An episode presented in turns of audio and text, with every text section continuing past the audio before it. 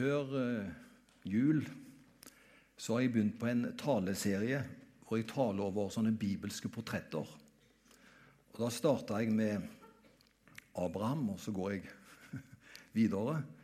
Og Den siste før eh, adventa, det var Moses.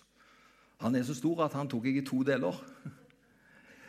Eh, og Da sa jeg at den etter Moses, det er jo Josva. Og han vil jeg si litt om i formiddag. Josva er en enestående kar. Men det måtte være en fantastisk utfordring for Josva å overta stafettpinnen etter Moses. For tenk hvilken posisjon Moses hadde. Han eh, leda jo folket, også gjennom ørkenen. Men så skjedde det at akkurat den siste etappen fikk Moses beskjed om at da skulle ikke han lede de inn i Kanans land. Det skulle være en annen, og det var altså Josva. Så det er en stor leder som har lagt ned sin vandringsstav. Og så er det en ung, framadstormende leder i Josva som skal føre dette arbeidet videre. Og Når det gjelder Josva, i og med at jeg skal tale over dette i kanskje 25 minutter Jeg håper i fall ikke det skal bli noe lenger enn det. Så er det bare glimt jeg gir ifra Josva liv. Det skjønner du? Det er glimt som blir tatt med. Hvor kommer disse uttrykkene ifra som står på skjermen? Ulv i fåreklær, slag i luften, skiller klinten for hveten. Ramaskrik, svelge en kamel. Hvor tror dere disse uttrykkene kommer fra? De kommer fra Bibelen. Så faktisk talt, de uttrykkene der, de står det om på forskjellige steder i Bibelen. Den kristne kulturarven det passer jo med det som var vårt tema også, den kristne kulturarven den har fått enormt gjennomslag i landet vårt. Den til og med preger språket vårt. Mange bruker bibelske uttrykk i sin dagligtale uten engang å vite det. Den er bare kommet fra Bibelen, og så har den kanskje gått i generasjoner. og Så tar man og fanger det opp, og så er det blitt en del av språket.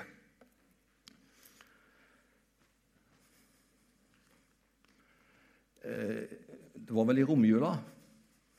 Så så jeg litt på sjakk. Du må ikke spørre meg om sjakk, for jeg kan ikke spille det. Kan ikke reglene. Men Torstein Bae er så levende i sin formidling. Så jeg så disse partiene som ble spilt fra Moskva. Og eh, vi har jo en fantastisk titt. Eh, en som har, er verdensmester både i hurtigsjakk og lynsjakk. Det tok han jo nå. Og han har den vanlige sjakk Jan verdensmester i. Han har faktisk vært verdensmester og verdensener de ti siste årene. Og i en så stor disiplin, og så kommer han ifra Norge. Det er fantastisk hvordan eh, Magnus Carlsen er en ener i sjakk. Og så kunne For faktisk at når det var siste dagen i Moskva, så sier Torstein bare at eh, det kan bli dramatikk ut av dette. For hvis ikke det er en vinner etter siste omgang nå, så går spillet videre til Harmageddon. Og du vet at eh, når det uttrykket ble brukt, så sperrer jo de andre som sitter i studio, Harmageddon. Hva er det for noe? Og Da sier Torstein Bae, for han har forberedt seg, jo, det har jeg lest meg opp sa han. Harmageddon det står det om i Johannes' åpenbaring. Og det er noe fryktelige greier, sier han. Så eh, det er jo dommedag, det, og ditto tilstander. Så sier han det. Jeg håper ikke Magnus trenger å gå gjennom Hermageddon for å bli mester. Eller Armageddon, som det også sier. Han trengte ikke det, for han vant jo da siste dagen, så Hermageddon Det ble ikke.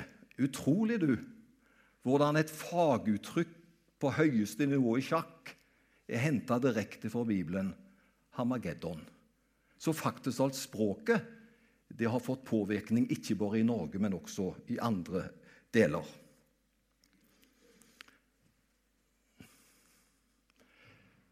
Ifra Josva, for det er Josva jeg skal tale om. Dette bare en innledning. Jeg skal ikke snakke om sjakk. I Josva 24, 14 Unnskyld, 23, 14 så sier Josva Da tar han i ferd med å ta avslutning med folket sitt. Han blir gammel. Så sier han det. Hvert eneste ord som Herren har sagt, er sant, og det har gått i oppfyllelse. Det må være en fantastisk konklusjon når du har vært med å lede dette folket fra skanse til skanse, og så sier han når han oppsummerer tjenesten sin hvert eneste ord som Herren har sagt, har gått i oppfyllelse, og det er sant. Det er jo utrolig at man kan si det. Og så er dette folket lenge, lenge tidligere da, på vei til det som ikke Moses fikk lov til å lede til, men Josva, de er på vei til Kanan. Er det mange av dere som kan den sangen der? Skal, jeg skal ikke ødelegge den ved å synge den.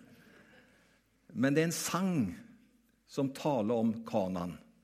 Og da skjønner vi av den sangen at Kanan er et bilde på himmelen.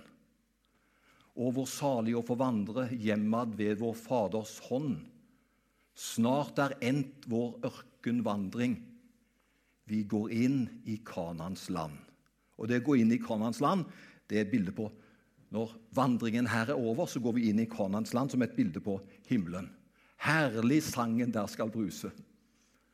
Sterk som lyden av en mektig flod. Ære være Gud og lammet, som oss kjøpte med sitt blod. Er det mange som har sunget den sangen der? Takk skal dere ha. Det var mange. Så vi har sunget sanger som taler om himmelen. Og en av de uttrykkene som ble brukt om himmelen, det er rett og slett det vi snakker om i dag. Det er Kanan er bildet på himmelen. Men vet du hva jeg syns? Hvis Kanan i Josvas bok er et bilde på himmelen, så det er et meget haltende bilde. Håper ikke du blir lei deg når jeg sier det. For når du leser hvordan det ble i Kanans land, som Israels folk med Josva i spissen skulle innta, så var det store grupperinger der som var ute efter å ta hverandre. Og Israels folk måtte slåss for det de skulle innta. Og Da skjønner vi det er et dårlig bilde på himmelen, er det ikke det? Der er vel kampen over. Der skal det ikke være motsetninger når vi kommer til himmelen. Derfor blir det egentlig et skeivt bilde å bruke Kanan som et bilde på himmelen. Jeg mener, Man tar jo ikke livet av seg når man kommer til himmelen. Men det gjorde de faktisk talt i Kanans land. Israel måtte innta Kanans land, og de måtte slåss. Det var ingen lett oppgave, men Gud hadde sagt 'Dette landet skal dere få'. Og Med Josva i spissen så inntok de landet skritt for skritt. Og det var et godt land, et land som flyter med melk og honning. Jeg vil forandre bildet mitt på Kanans land. For meg er ikke Kanans land et bilde på himmelen. Men vet du hva? jeg tror det heller er et bilde på kristentlivet. På den kristne vandringen. For i den kristne vandringen så gjelder det å innta nye landområder. Og mens vi inntar nye landområder, så kan det være kamp. Det kan være utfordringer, det kan være ting vi må slåss med og imot. For livet er ikke bestandig så enkelt. Men vi inntar det landet og de løftene som Gud har gitt oss, selv om det noen ganger må være utfordrende. Er ikke det et bedre bilde, Kanan? Et bilde på kristentlivet. Og Nå vil jeg at du skal få en liten parallell. Slik som Efeserbrevet er et veldig sentralt på kristentlivet i Det nye testamentet. For Når du leser Efeserbrevet, så ser du at det er grunnlaget for vårt kristentliv. Hva Kristus har gjort for oss, å være i Han, hva Han er for oss osv. Og, og vandringen. På samme måte Josva. Et tilsvarende bilde i Det gamle testamentet hvordan vi kan forvandre med Gud og innta nye områder som Gud har satt for oss. Og så går jeg videre i vandringen, i Josva kapittel 2. Og der har du noe som du, Mimir, sa som kan matche. For jeg forstår jo at du er, du er opptatt av de svake, av de små i samfunnet. Da Josva sender to speidere inn i Kanans land for å utforske landet før de skal innta det I kapittel 2 i Josfa leser vi om det. Så kommer disse to speiderne. Du vet hvem de, hvilket herberge de tar inn i? Skjøgen Rahab. Hvis du skal få et norsk ord på det horen Rahab er stedet hvor disse speiderne tar hus. Og vet du hva? Hun tar vel imot dem. Det finnes noe godt i alle mennesker. Det finnes noe edelt i ethvert menneske. Og denne Skjøgen, som ble kalt for å gjøre det litt finere, men du skjønner hvilket liv hun førte. Hun tok imot disse to speiderne. Og vet du hva? Hun la opp en plan sammen med disse som du kan lese om i kapittel 2. Hvor de faktisk gjør en del lurerier også. For å gjemme dem, for at ikke folket som fikk høre da, lederen fikk høre at nå er det to speidere her, vi må ta dem. Så klarer hun faktisk å dekke dem og gjør en dekkoperasjon som gjør at etter en stund så blir de faktisk talt ført bakveien ut av landet. Men eh, hun var den som tok imot disse. Og Derfor skal vi ha et sånt holdning til alle mennesker. Det bor noe godt i alle mennesker.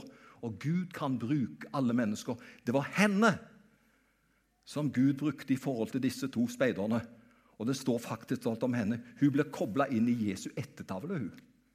Rahab, så det er jo fantastisk.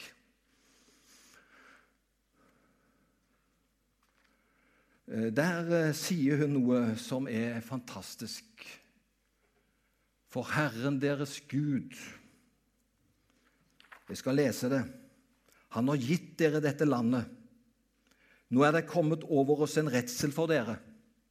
Og alle som bor i landet, er så redde at de skjelver da de hørte om at dere skal innta landet. Så ble vi helt motløse, og nå er det ingen som våger å møte dere. Og så hør. For hun sier, for Herren deres Gud er en Gud både oppe i himmelen og her nede på jorden. Tenk at det sier Kjøgen. Jeg har hørt at folk er redde, for de hadde hørt hvordan det gikk når Israels barn ble ført ut av Egypten, hvordan Gud på mirakelløs hånd førte dem og var med dem. Og han vil også være med dere når dere skal innta dette landet, så folk er redde for dere, sier kvinnen. Og så kommer vi til det hvor de skal gå inn i landet. Jeg har sagt vi skal ha glimt fra denne boken. Nå skal de innta landet. Og de skal krysse elven Jordan.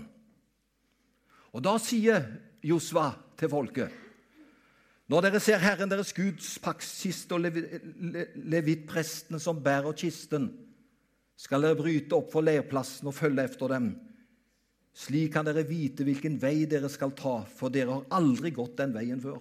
Nå var det en vei som de aldri hadde gått på før, som de skulle gå på. Men mellom dere og paktkisten må det være en avstand på omtrent 2000 alen. Kom den ikke for nær. Siden sa Josva til folket, innvi dere nå, for i morgen vil Herren gjøre underfulle ting iblant dere. Jeg tror Det kan være en hilsen til oss også i dag. Innvi dere. Hva betyr det? Vær sammen med Herren. Prioriter Han. For i morgen vil Herren gjøre underfulle ting blant dere, sier Josva. Og neste dag kom. Og da kommer prestene med paktkisten, og de går over elven. Og det folket fikk høre, se på pakkskisten, så skal det gå dere vel. Og de så på kisten mens de gikk. Kisten, Pakkskisten var symbolet på Herrens nærvær. Det var der de ti bud lå. Det var, det var ikke noe bedre eksempel i Gamle testamentet på Guds nærvær enn pakkskisten. Og Den gikk foran dem, og det var den de skulle se på når de vandrer over elven. Jeg syns dette er et veldig fint bilde. Pakkskisten er et bilde på Kristus. Det er når vi ser på Han og våre øyne festet mot Kristus, at vi er reddet. Var det ikke da det gikk galt for Peter? Når han gikk på sjøen? Til å begynne med så gikk han, for da så han på Jesus. Så begynte han å få blikket ventet mot bølgene, og da sank han. Jeg har bare lyst til å si det til deg og til oss alle. La vårt blikk være mot Kristus. Slik som de skulle se på paktkisten, og så skulle de bare følge den.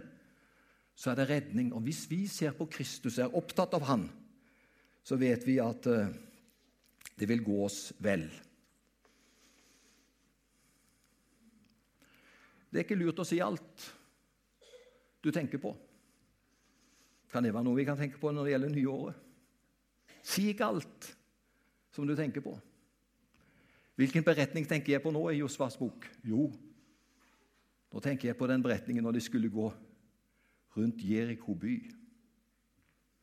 Og Da sier Josva, for Herren hadde sagt til Josva, dere skal gå rundt byen én gang per dag.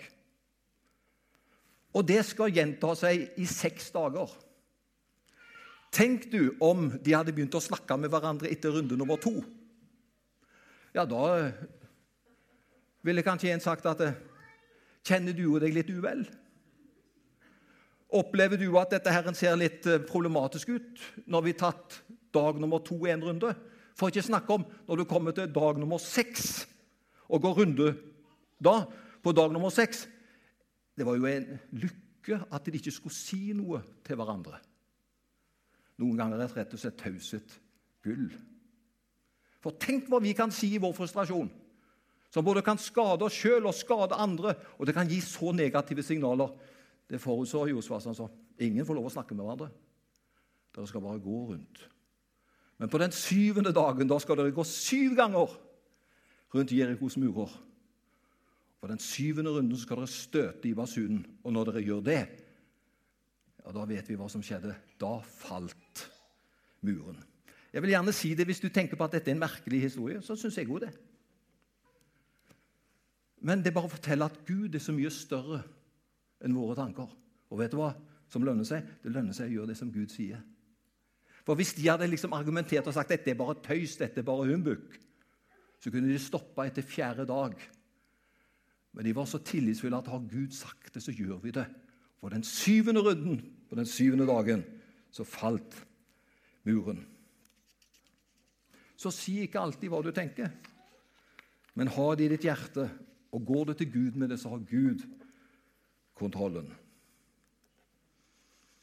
Og så sier han da mot slutten hvert eneste ord som Herren har sagt, har vært sant. Og Det så vi jo etter dette med når de gikk rundt. ikke sant? Det skjedde hva Gud sa. Hvert eneste ord som han har sagt, er sant.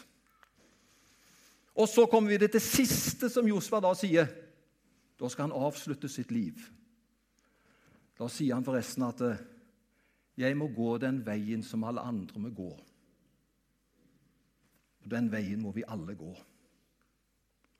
Det er den veien når vi skal ut av dette livet. Nå sier jeg Josva, syns det var veldig sånn poetisk sagt. Nå skal jeg gå den veien som alle mennesker må gå. For da vet han han skal avslutte livet sitt.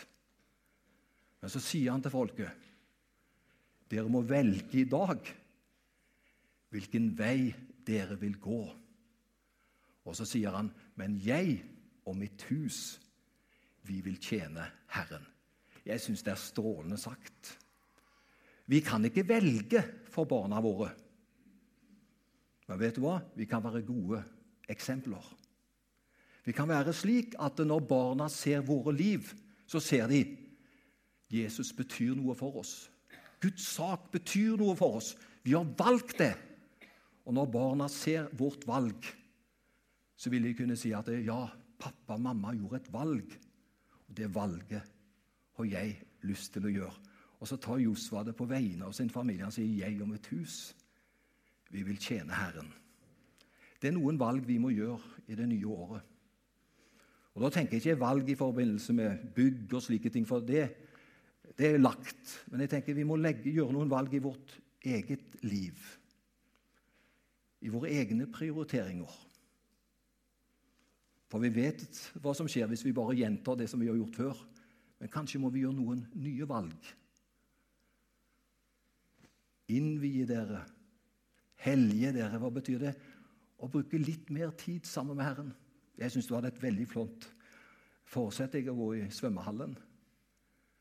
Kanskje må vi andre også ta noen nyttårsforsett. Så håper vi de varer lenger eller ei uke. velg i dag. Da håper jeg det kan bli slik at vi velger at vi vil bruke litt mer tid sammen med Herren. At vi vil åpne oss litt mer for det Herren vil bruke oss til. For i morgen vil Herren gjøre underfulle ting iblant oss. Skal vi be. Vi takker deg, Herre, for ditt nærvær. Takk at du er Gud, og du er god. Og takk at eh, vi slipper å vente på Hamageddon, vi kan få vente på det du har gjort for oss. Og for det rike du har tilbrakt for oss. Og Du skal hjelpe oss at vi kan tjene deg med iver. At du er med oss i hverdagen der hvor vi er. Takk at vi kan få be for familiene våre, kollegene våre. Vi ber om din velsignelse, og hjelp oss at vi er rause og varme og gode i hverdagen der du har satt oss. I Jesu Kristi navn. Amen.